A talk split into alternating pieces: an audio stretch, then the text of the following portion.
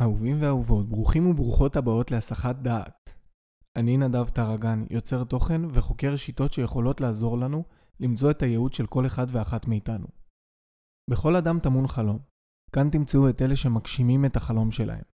ותתענגו לרגע משיחה טובה בגובה העיניים.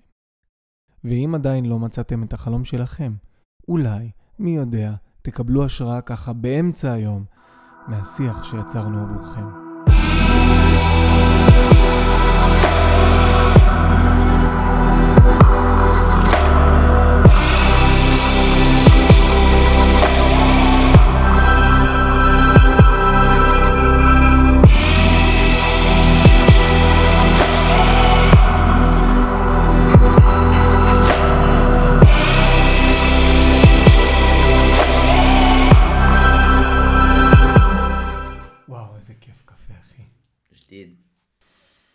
תראה, בפודקאסט אני רוצה להנחיל איזושהי...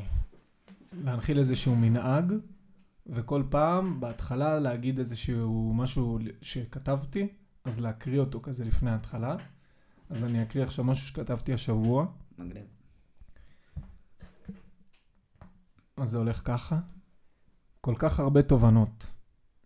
ועכשיו בטח אצטרך לאסוף את כולן. הרי ברגע שיש לי תובנות, אני צריך לאסוף את כולן עכשיו. אבל הן כאלה חמקמקות.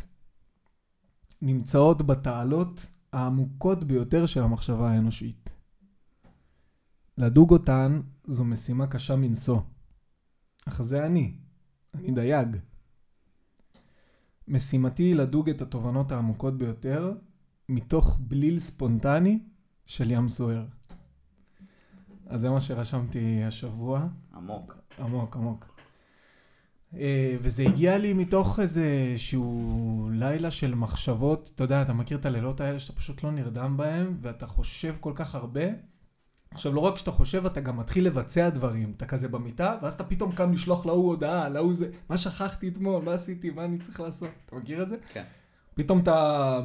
אז, אז, אז פשוט זה היה הלילה הזה, שזה לא נתן לי להירדם. כל הזמן, כל שנייה יש לי תובנה על משהו אחר, ועל משהו שאני צריך לעשות ב- ב- בחיים שלי בשביל להתקדם בהם. ואני כזה, טוב, וואי, יש כל כך הרבה דברים לעשות, איך אני תופס את כל זה? אז uh, פשוט כתבתי על זה שזה ממש קשה לתפוס את כל הדברים האלה. אוקיי. זה בא לך בלילה, אתה שוכב על המיטה, אתה לא פרודוקטיבי בעליל, אתה פשוט שוכב שם על המיטה ואין לך מה לעשות עם זה, אתה פשוט... ואז הבנתי שאתה לא חייב לעשות עם זה עכשיו יותר מדי דברים. אתה פשוט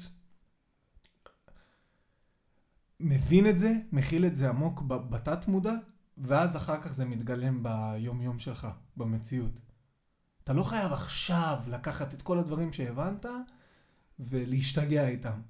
אבל פשוט זה נוחת לך בתודעה, אתה נותן לזה לנחות, ישן על זה לילה וקם חדש. ומתחיל לעשות דברים, מתוך התת מודע. היום אה, אני שמח להזמין אורח מיוחד שקוראים לו דניאל קאסל. הוא מעצב שיער בעל אקדמיה שנקראת אנדרליין לקידום אמני שיער בארץ. אה, מעבר לזה, הוא בדרכו להרים את המקצוע של ספרות לרמות הגבוהות ביותר. ואפילו כבר מגיל 15 הוא הבין שזה מה שהוא רוצה לעשות, והיום הוא נמצא בשיא הגשמת אה, ייעודו. אז אה, אהלן אחי, מה העניינים? אהלן, הכל מצוין, מה נשמע? מעולה, מעולה. אה, ככה אני רוצה לצלול איתך ישר לשאלה הראשונה, ולשאול אותך מתי הבנת שזה מה שאתה רוצה לעשות. אה, הבנתי את זה... בוא נאמר, החלטתי על שאני הולך על הכיוון הזה בעצם בתקופת הצבא, לקראת השחרור. חשבתי עם עצמי מה אני הולך לעשות. אה, ובעצם, כמו שסיפרת, התחלתי להתעסק עם התחום הזה כבר מגיל 15 בערך. איך אתה מגדיר את עצמך? ספר, מעצב שיער, איך אתה מעדיף ש... שנקרא? האמת שאני לא דוגל כזה בהגדרות, אבל... וואי, אני מה זה לא יודע לענות על השאלה הזאת, אחי. כי יש ספרים שנפגעים מהקטע שאומרים להם ספר ולא מעצב שיער, לך זה משנה או ש... לא, האמת שזה לא משנה לי. מה שמשנה בסוף זה מי אתה ומה שאתה עושה. אה, ואיך אתה מביא את זה לידי ביטוי לעולם. האם קרה לך אה, צירוף מקרים בחיים שקשה לך להסביר אותו במילים. מה הכוונה? משהו בחיים שקרה לך, שהוא צירוף מקרים, שהוא לגמרי צירוף מקרים, ואתה עד היום לא מצליח למצוא לו הסבר לאיך זה קרה, אה, שזה צירוף מקרים גדול שקשה להסביר אותו מבחינה הגיונית. צירוף מקרים שאתה לא יודע להסביר אותו? כן, אחד מצירופי המקרים הגדולים שקרו לך בחיים, בוא נגיד, אפילו לא גדול, זה לא חייב. אחי, יש דברים, אתה יודע, שאתה חושב על בן אדם והוא מתקשר אליך למשל. נכון, אז כזה שהיית אומר שהוא... שזה משהו מיוחד. או קרה לי מקרה נגיד שיצאתי עם מישהי למשל, והיא אמרה לי, תשמע, חלמתי שהכית כל הלילה וזה, ובאמת באותו לילה לא הרגשתי טוב, הייתי חולה. והיא הייתה בבית שלה ואני הייתי בבית שלי. וזה כאילו משהו שאתה לא, לא יכול להסביר אותו, זה כאילו חיבור שהוא מיסטי, או אני לא יודע איך להגדיר את זה, אבל איך היא יכלה לדעת, איך היא יכלה להרגיש, כאילו, זה, זה מראה על איזשהו חיבור בין בני אדם, חיבור אנרגטי, לא חיבור אה, פיזי. וזה משהו שהוא, אני יכול לזכור אותו כמשהו ש...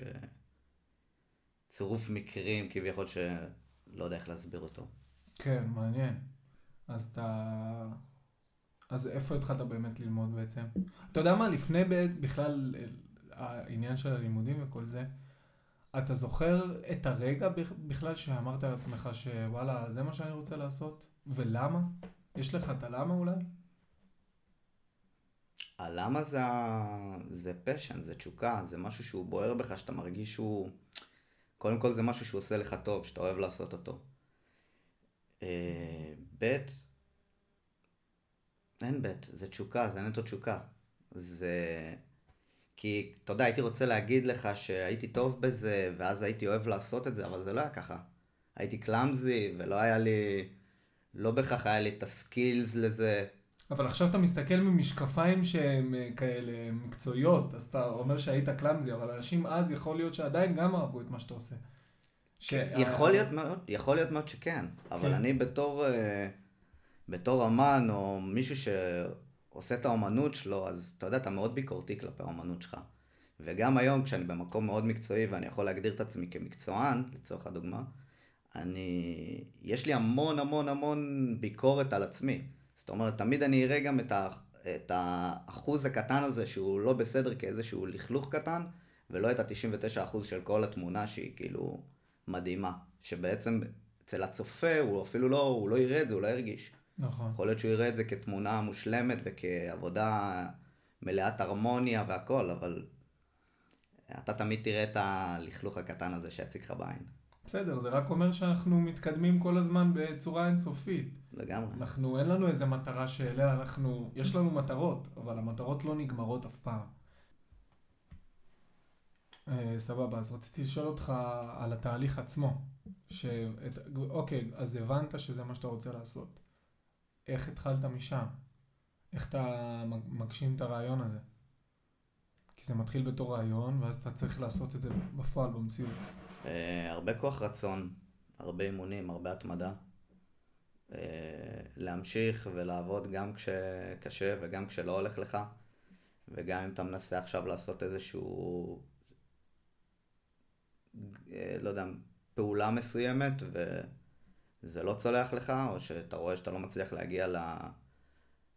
לרף שאתה שואף אליו, זה עדיין לא להתייאש, וזה להזיע, וזה לרקוד מתוך עצבים בתוך הגוף, ולא, ולא לתת לזה להשתלט עליך. Mm. זה מין נקודה של ייאוש או שבירה בתוך תוכך, שאתה אומר לעצמך, טוב, אני רוצה להגיע ל-A, אבל אני לא מצליח להגיע. כן. אבל אני עדיין עושה את זה, ואני לא מוותר לעצמי, ואני חושב שזה הרבה כוח רצון והתמדה. אני חושב בכללי, כשאתה הולך בדרך שלך, אתה צריך המון להרגיש את הלב ולהקשיב ללב, ולא תמיד עם השכל. השכל גם מאוד חשוב, והתוכנית והשאיפות שאתה שואף אליהן הן מאוד, אה, מאוד חשובות, אבל עם, עם כל זה גם צריך להקשיב ל... לסביבה וליקום ולאנרגיות שסביבך.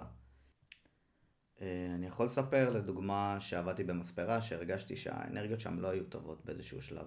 אחרי שנתיים באותו מקום אתה כבר מכיר את כולם, הכל מדהים ויפה. והווייב לא היה נעים. לא היה נעים עם הלקוחות, הכל היה מתאים והכל היה מגניב וטוב, אבל האנרגיה הכללית במקום לא הייתה אנרגיה טובה. זוכר שבאותה תקופה גם פיזית לא הרגשתי טוב.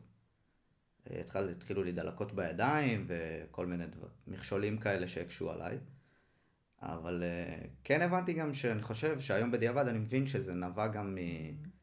מהפנימיות, ממשהו שעברתי באותו, באותה תקופה, שכנראה לא, לא הייתי שלם במקום שאני נמצא בו. וזה אחד הסימנים בעצם שגרמו לי לקום ולעזוב, וגם לצאת לדרך עצמאית לגמרי, וגם למנף את, ה... את היעדים והמטרות שלי ואת ה... וזה לא מפחיד לצאת פתאום לדרך עצמאית לבד? אה, קודם כל, תמיד הייתי סוג של עצמאי. גם לפני שהתעסקתי בשיער, התעסקתי בכל מיני תחומים ודברים. תמיד הייתי סוג של אה, יזם או עצמאי, בן אדם ש... בקיצור, עצמאי. כן. אה, וללכת... זה לא מפחיד, אני חושב שזה עניין של אופי גם. זה עניין של או שזה מתאים לך או שזה לא מתאים לך. כן. או שאתה בן אדם שצריך שיפעילו אותו ויגידו לו מה לעשות, או שאתה בן אדם שיודע לבוא ולהרים את הכפפה וליזום.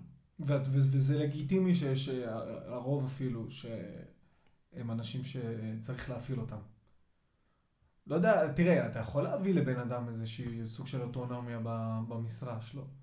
אבל אה, לאנשים שיציבו להם גבולות, במקום שהם יציבו לעצמם גבולות. כן.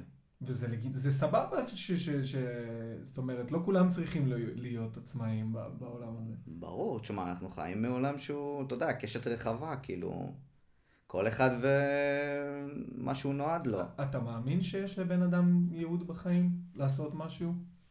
אה, יכול להיות שיש לך גם כמה יהודים בחיים, לא בהכרח ייעוד אחד. לגמרי.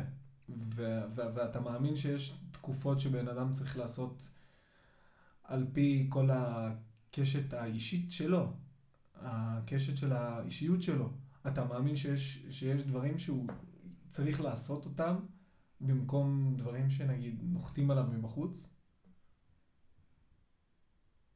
מה הכוונה? הכוונה היא ש, שיש הרבה אנשים שפשוט עושים איזושהי, איזושהי דרך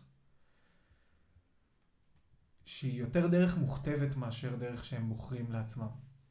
או. הרבה פעמים אפילו הדרכים שהם עושים כל כך לא מתאימות להם. אתה יודע, אתה רואה כן. את הבן אדם, הוא, הוא נמצא כמו דג מחוץ למים. כן, לפעמים זה לחץ של ההורים, זה לחץ של החברה, של מה יגידו, מה... אתה היה עליך לחץ כזה שאתה מסוים? אה,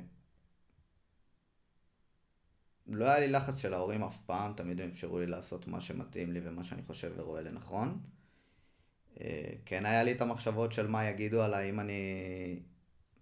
פחדתי שיקטלגו אותי בתור ספר, בתור בן אדם שהוא כביכול איזשהו דפר או בן אדם שנשר mm-hmm. מהלימודים והגיעו כביכול להתגלגל למקצוע, אבל זה...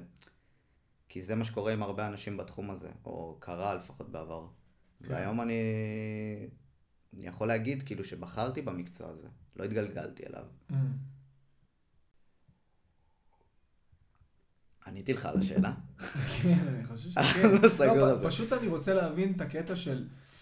יש הרבה אנשים שהם אה, אה, הם פשוט נמצאים בתוך הדבר הזה, ואני חושב שבסוף, בתוך הדבר הזה של להיות מוכתבים על ידי דברים חיצוניים, להיות מובלים, ועושים דברים שהם כל כך לא מתאימים להם. ואני חושב לעצמי, האם באמת טוב לאנשים האלה במקום שהם נמצאים? תשאל אותם. לא יודע, אחי. כאילו, אני חושב שאם אתה עושה משהו ש... שהוא טוב לך ואתה הולך עם, ה... עם האמת הפנימית שלך, אז אתה תהיה שלם עם עצמך.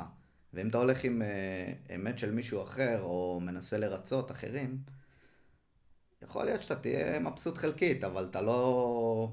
אתה לא תרגיש שאתה ממצה את עצמך ב-100% או שלם עם עצמך ב-100%. אפילו אם זה לא לרצות מישהו אחר, זה נגיד הדרך המקובלת יותר. גם, גם אתה, נגיד, כן. בתוך המקצוע שלך, אתה הולך בדרך שהיא, גם הדרך שלך בתוך המקצוע שלך היא לא הכי מקובלת בעולם. אתה הולך בדרך שהיא יותר מיוחדת, יותר אומנותית, אה, קצת קשה להגדיר את זה באמת, אבל כן. אתה הולך עם הקו שלך. כן, כי אני בן אדם כזה, אני חושב שבכללי אני לא בן אדם הכי קונבנציונלי, כאילו, תמיד הייתי אוהב למצוא את הדרך שלי ולעשות את הדברים ב... בסטייל שלי כביכול. ואתה אה, חושב שזה משהו, משהו שעושה לך טוב בחיים? כן. אני חושב שזה חלק מהאופי היצירתי שלי, זאת אומרת, אה, להיות יצירתי זה אומר שלא בהכרח אתה תיקח אה, קו ישר ותלך איתו, אז יכול להיות שאתה תיצור כל מיני צורות או קווים משונים שיובילו את הדרך שלך בדרך שאתה רואה, בעיניים שאתה רואה. מה הכוונה קווים שונים וצורות?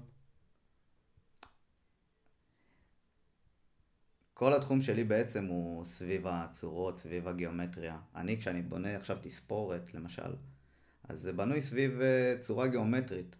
יש לך אובייקט שהוא הראש, ואתה בונה איזושהי צורה, יכולה להיות צורה עגולה, מרובעת, משולשת. Mm. אה, וממש כמו מהנדס או ארכיטקט שבונה בניין, בונה בניין בשלבים, בקומות, בצורות מסוימות, זה יכול להיות צורה סימטרית או אסימטרית.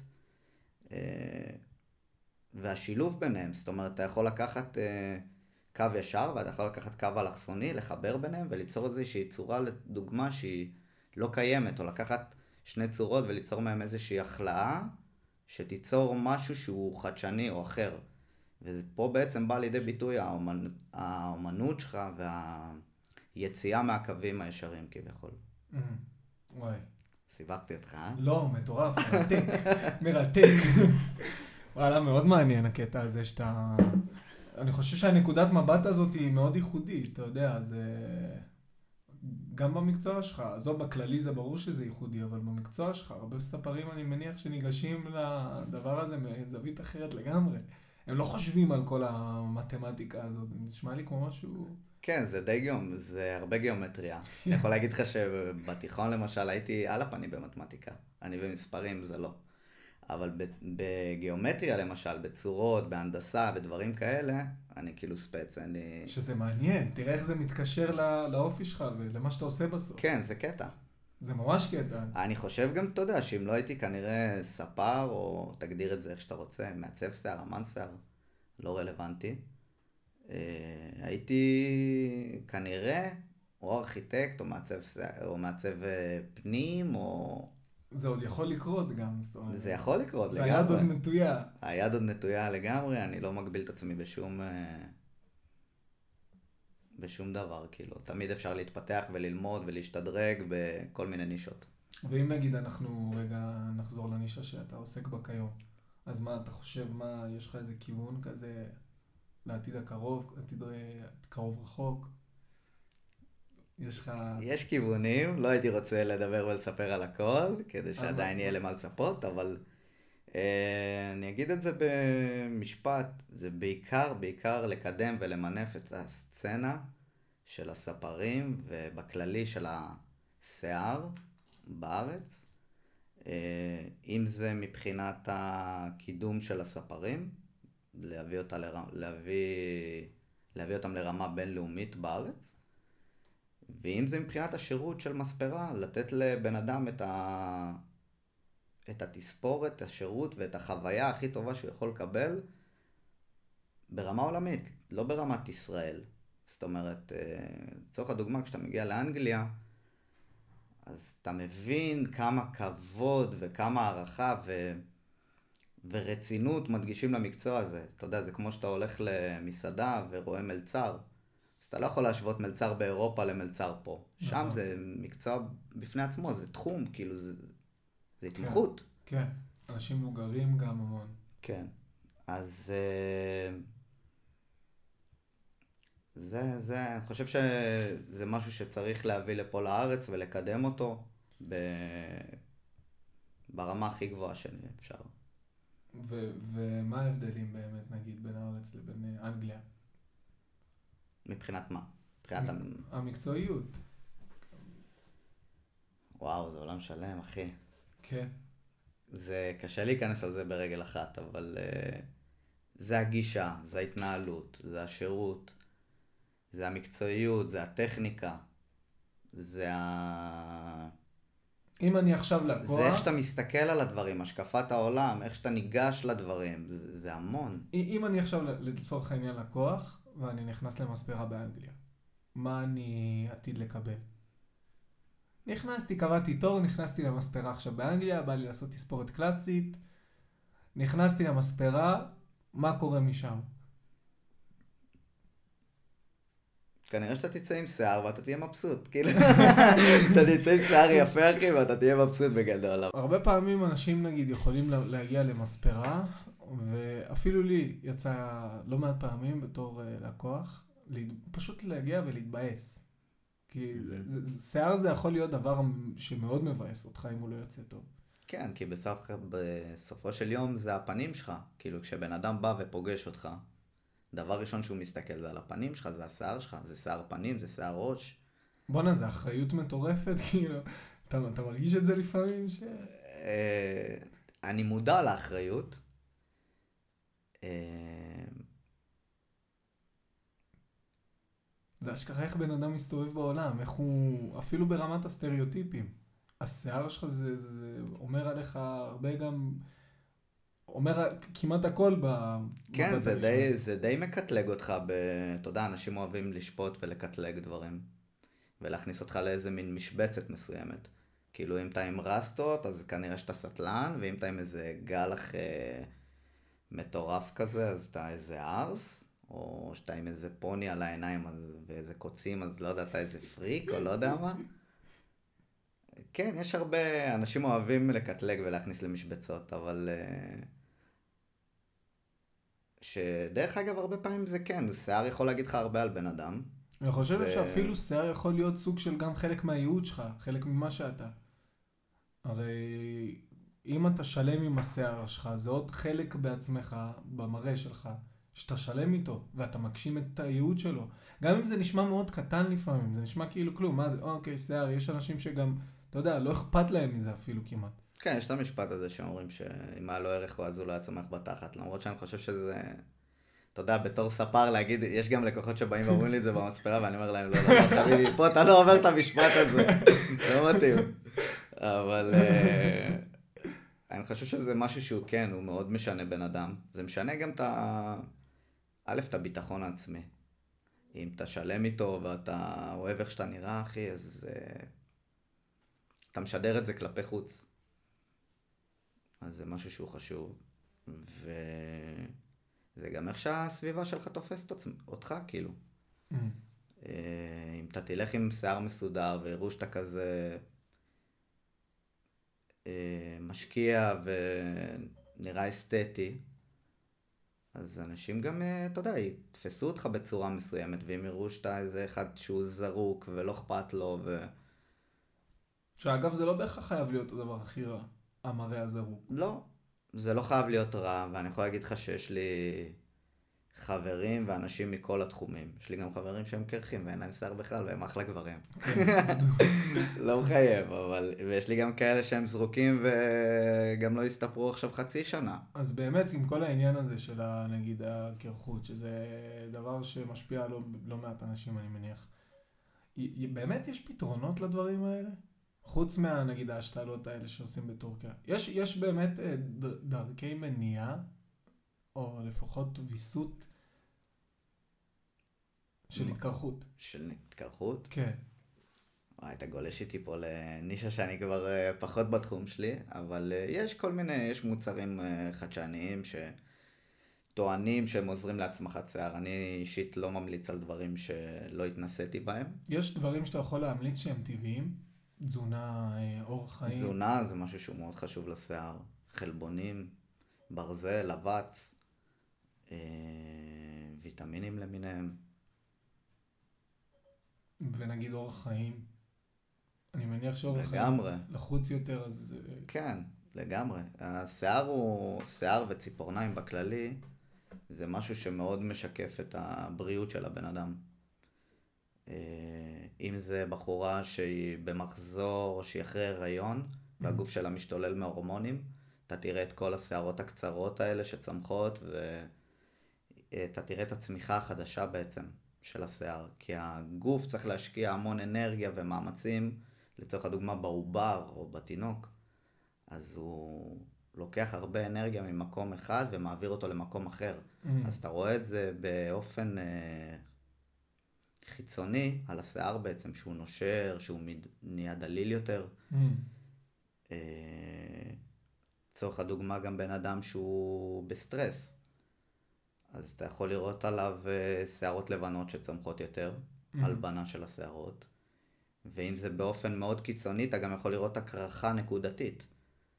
אה, אתה יכול לראות ממש כמו חור באמצע, הפנ... באמצע הזקן או באמצע השיער, שזה נובע נטו נטו מפנימיות, מחרדה ומדאגות או מחשבות יתר, או... וזה חתיכת סימן. זה חתיכת סימן, וקרו לי גם מקרים שנתקלתי במקרים כאלה, וצריך לדעת מתי ו... ואת מי, לאן להפנות. זאת אומרת, אה, זה לא ממקומי להתיימר להיות איזשהו דוקטור או משהו, אבל אה, אם אני רואה איזה סימן כזה, אז כן, אני יכול להגיד לבן אדם, תשמע אחי, רואים שאתה אתה לחוץ במקום שאתה נמצא, אתה לא, אתה לא, אתה לא שלב עם עצמך, אתה לא שלם, אתה לא, אתה לא נינוח, אתה חייב uh, להוריד רגע הילוך. כן. וקרו לי מקרים כאלה עם אנשים, והם הקשיבו לי, ואני יכול להגיד לך שתוך חודשיים שלושה החור הזה נסגר. וואלה. כן, בקטע מדהים. מטורף. מטורף. מטורף. מטורף. אני חושב שגם בסוף הדברים האלה גם קשורים למה שאתה עושה. מה שאתה עושה עם החיים שלך, זה קשור בכלל לכל הנושא שלנו היום, שזה על להגשים את הייעוד שלך, לצעוד בדרך שלך.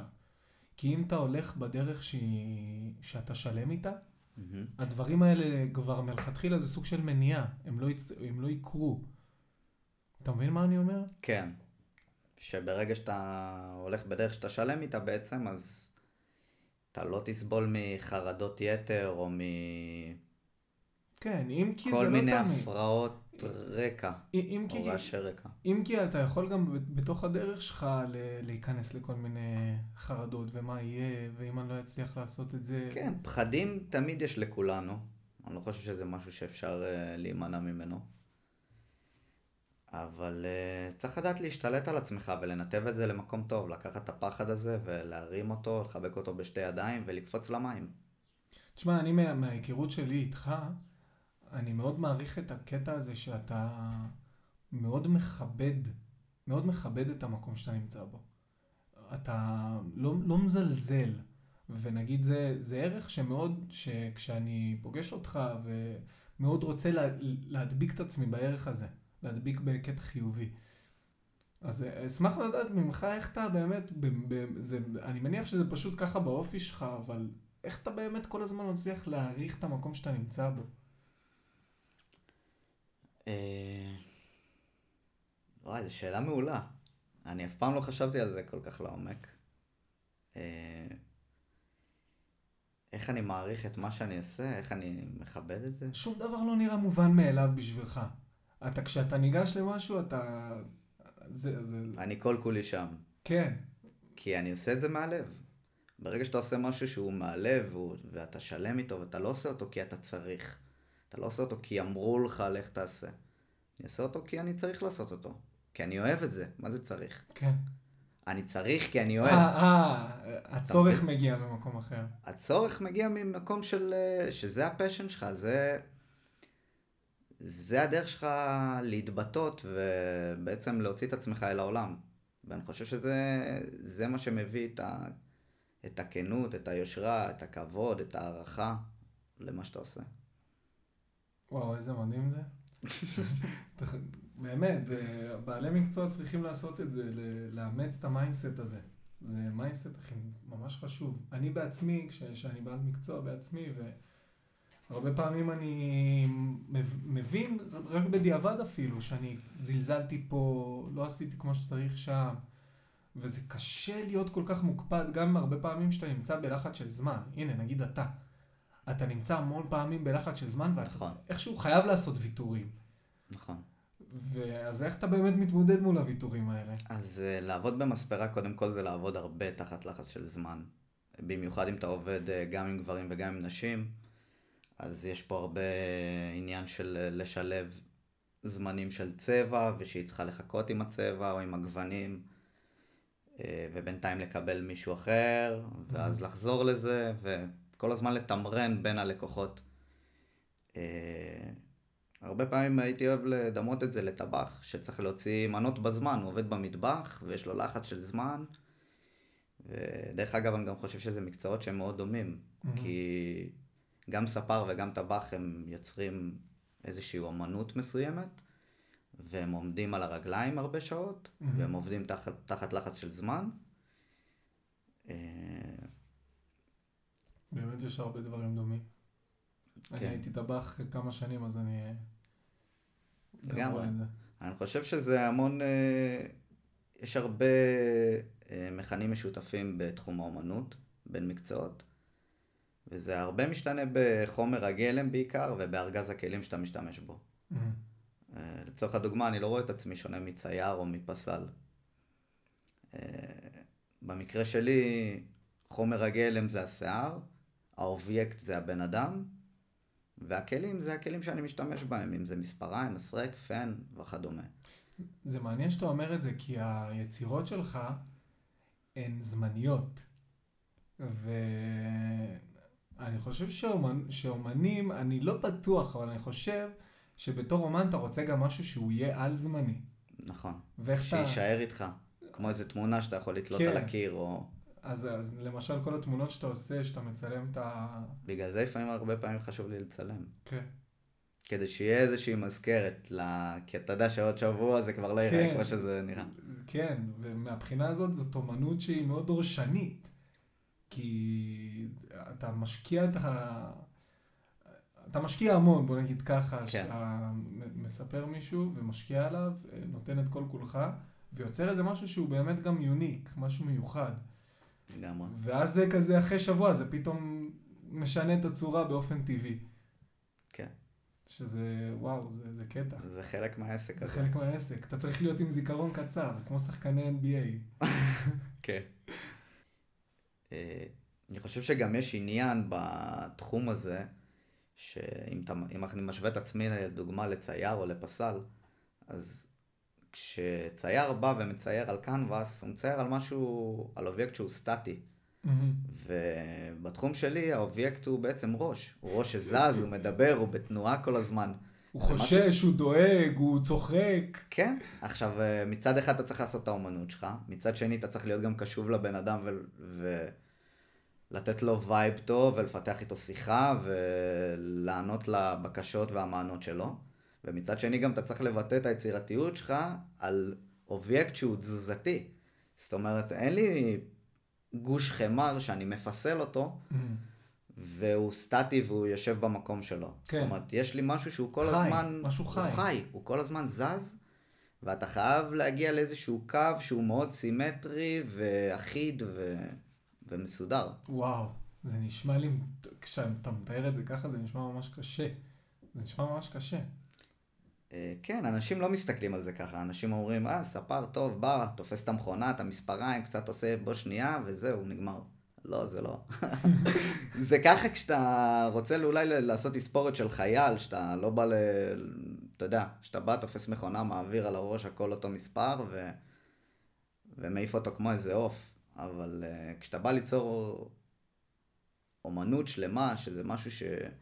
מתבטא באורך, בצורה, בטקסטורה, במשקל. Mm. יש הרבה פרמטרים בתספורת ש...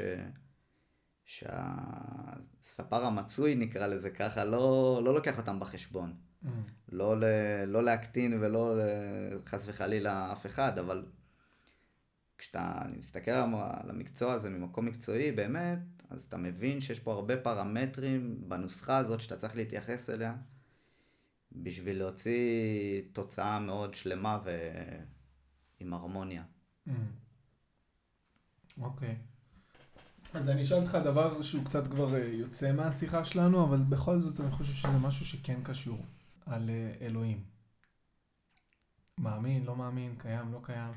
או, לקחת אותנו לשיחה עכשיו. אה. על רגל, באמת על רגל אחת. אני, כמו שאמרתי לך, אני לא בן אדם של הגדרות יותר מדי. אני לא יודע, אתה יכול לקרוא לזה אלוהים, אתה יכול לקרוא לזה אנרגיה, אתה יכול לקרוא לזה מכתוב, יכול לקרוא לזה אה, גורל. אני כן מאמין שיש אנרגיות שהן אה, דברים שאנחנו לא יכולים להסביר או לראות. אה, איך תגדיר את זה ואיך תקרא לזה? אתה יודע, אומרים שכל הדתות בסוף מאמינות באותו אלוהים. כאילו, אנחנו יש לנו את הסיפור שלנו, לנצרות יש את הסיפור שלהם, יש להם את ישו, לקוראן יש את מוחמד, אבל כולם כן. בסוף מאמינים באותו דבר. כולם בסוף אה, מאמינים ומתפללים סביב אותו, אותו אל כביכול, אותו משהו שהוא, שהוא לא נודע. אתה חושב שהאמונה הזאת במשהו שהוא לא נודע, זה משהו שמביא את האנושות למקום שהוא, אפילו מבחינה מוסרית, שהוא טוב יותר? אני חושב שבכללי דתות זה משהו שהוא מאוד מפלג. Mm. כי אם לא היינו מסתכלים על עצמנו כיהודים והם נוצרים והם מוסלמים, אז לא היינו... קודם כל אולי היינו פחות גזענים, וב' אולי היינו... לא היינו מפרידים בין כולם. Mm. אה, זה גם עניין של קטלוג, שאתה... זה כאילו כמו ימין ושמאל, זה איזה קבוצה אתה בוחר. Mm-hmm. באיזה צד אתה? מה, אתה בצד של הכחולים או בצד של האדומים? כאילו... כן. עכשיו, אני לא חושב שבהכרח צריך, צריך לקחת צד. אתה יכול להיות גם מפה וגם מפה וגם, אתה יודע, כאילו... גם כשהייתי ילד לא הייתי בהכרח אוהב, אה, אף פעם לא היה לי חבורה אחת. תמיד היה לי את החבר'ה ההם שם, היה לי את החבר הזה פה, היה לי את החבר'ה ההם שהם לא, בכלל קשורים למשהו אחר. Mm-hmm. אף פעם לא הייתי, כאילו תמיד הייתי בין אה, הרבה קבוצות, לא, לא בהכרח בחרתי צד אחד.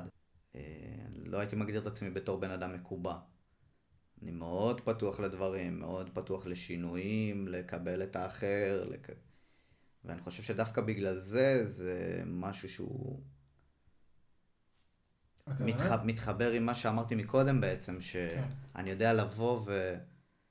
ולהסתדר או לתקשר עם הרבה סוגים של וטייפקאסט של אנשים שהם לא בהכרח הטייפ שלי, אבל אני כן יודע לבוא ו... ולחבר את האנרגיות שלנו בצורה כזו שזה, שזה יהיה נעים והרמוני. וואי, מעניין. שזה, okay. אוקיי. אגב, אני חושב שזה skill לא פחות חשוב להיות ספר. מעבר, מעבר לקטע היצירתי ולעבוד עם הידיים, זה עניין של לדעת לתקשר עם אנשים, להבין את הרצון שלהם. אני יכול לבוא ולהסתכל עליך ולראות את התווי פנים שלך או את הסוג שיער שלך, ולהגיד, אוקיי, מתאים לך א', ב', ג' מבחינת תספורת או מבחינת עיצוב שיער, mm-hmm. אבל זה בכלל לא ישדר את מי שאתה. כן. ואם זה לא אתה, ועשיתי לך תספורת שהיא יפה, שהיא חיצונית, היא נראית עליך טוב, אבל אתה בתוכך לא מרגיש עם זה בנוח, או שזה לא מקרין את מי שאתה, אז לא עשיתי בזה כלום בעצם. כי חיצונית אתה תיראה טוב, אבל פנימית אתה לא תרגיש שלם עם עצמך, mm-hmm. אתה תרגיש כאילו... אתה תרגיש כמו כלב ששמו עליו איזשהו בגד שהוא לא טבעי לו, והוא כן. הולך עם זה ככה כי הכריחו אותו, כי אמרו לו שככה זה יפה לו, ככה זה כן. מתאים לו, אבל... והוא כל הזמן ינסה להוציא את זה, אתה יודע, הוא כאילו, כל הזמן, הוא ירגיש שזה משהו שהוא לא טבעי, שהוא... כן. כן, כמו פודל שמספרים, שמספרים אותו. אותו, ואנחנו חושבים שזה יפה, אבל בטח הוא לא סובל את זה, או... דרך אגב, היה לי מקרה כזה שאחותי לקחה את הכלב לספר אותו, והוא אשכרה לא יצא שבועיים מהבית. וואלה. הוא הרגיש ערום, הוא הרגיש שלקחו ממנו את הזהות שלו, את ה... את המראה, הוא, הוא אמנם לא מסתכל במראה, אבל הוא מרגיש. Mm-hmm. הוא מרגיש פתאום ערום. הוא מרגיש כן. שזה לא הלוק הטבעי שלו, מה שנקרא. כן. טוב, ואתה ככה לקראת סיכום, אני רוצה שגם תגיד לי איזשהו מוטו בחיים, שאתה מאמין בו. ואני באמת רוצה לשאול אותך ככה בכנות, שאם אתה, אתה, אתה אשכרה מרגיש שאתה מגשים את החלום שלך בזמן הווה?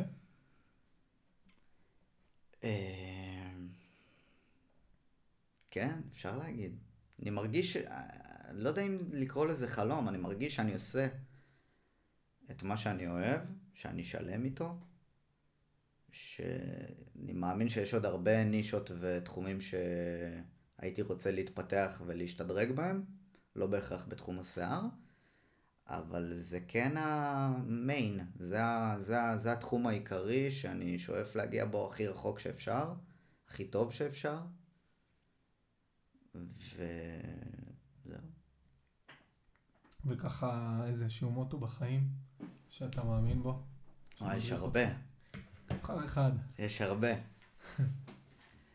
אה, יש, יש משהו שקראתי לא מזמן באיזה ספר, שהוא משהו נחמד.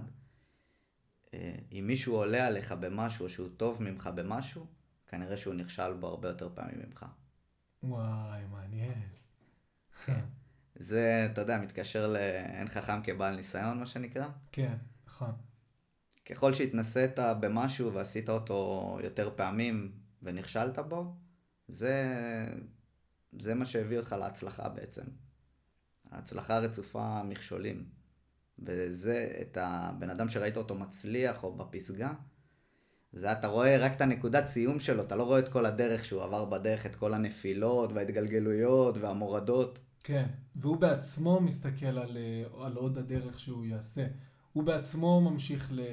להגיע לעוד פסגות. כן, הוא מבחינתו, הוא בכלל הוא לא... יכול להיות שהוא ידע להגיד אני באיזה פסגה מסוימת, אבל הוא כל הזמן יחשוב על הפסגה הבאה ואיך אה, לכבוש עוד איזה יעד או עוד איזה מטרה. אני חושב שבכללי הרעב שלנו בתור בני אדם בשביל הדלק שלנו, זה הרעב הזה בעצם להיות, להשתפר ולהיות יותר טובים במשהו או להשיג איזשהו יעד או מטרה מסוימת. ואם אין לנו את זה, אז כאילו אין לנו דלק, אנחנו נשב בבית ולא נעשה כלום. לגמרי. טוב, אני חושב שזה vibe טוב לסיים איתו את הפודקאסט. לגמרי. תודה רבה, אחי. היה לי ממש כיף לדבר איתך. גם לי. אז תודה שהאזנתם. אם הפרק נגע בכם ובכן, שתפו אותו הלאה, תעבירו את הבשורה. יאללה, שלום.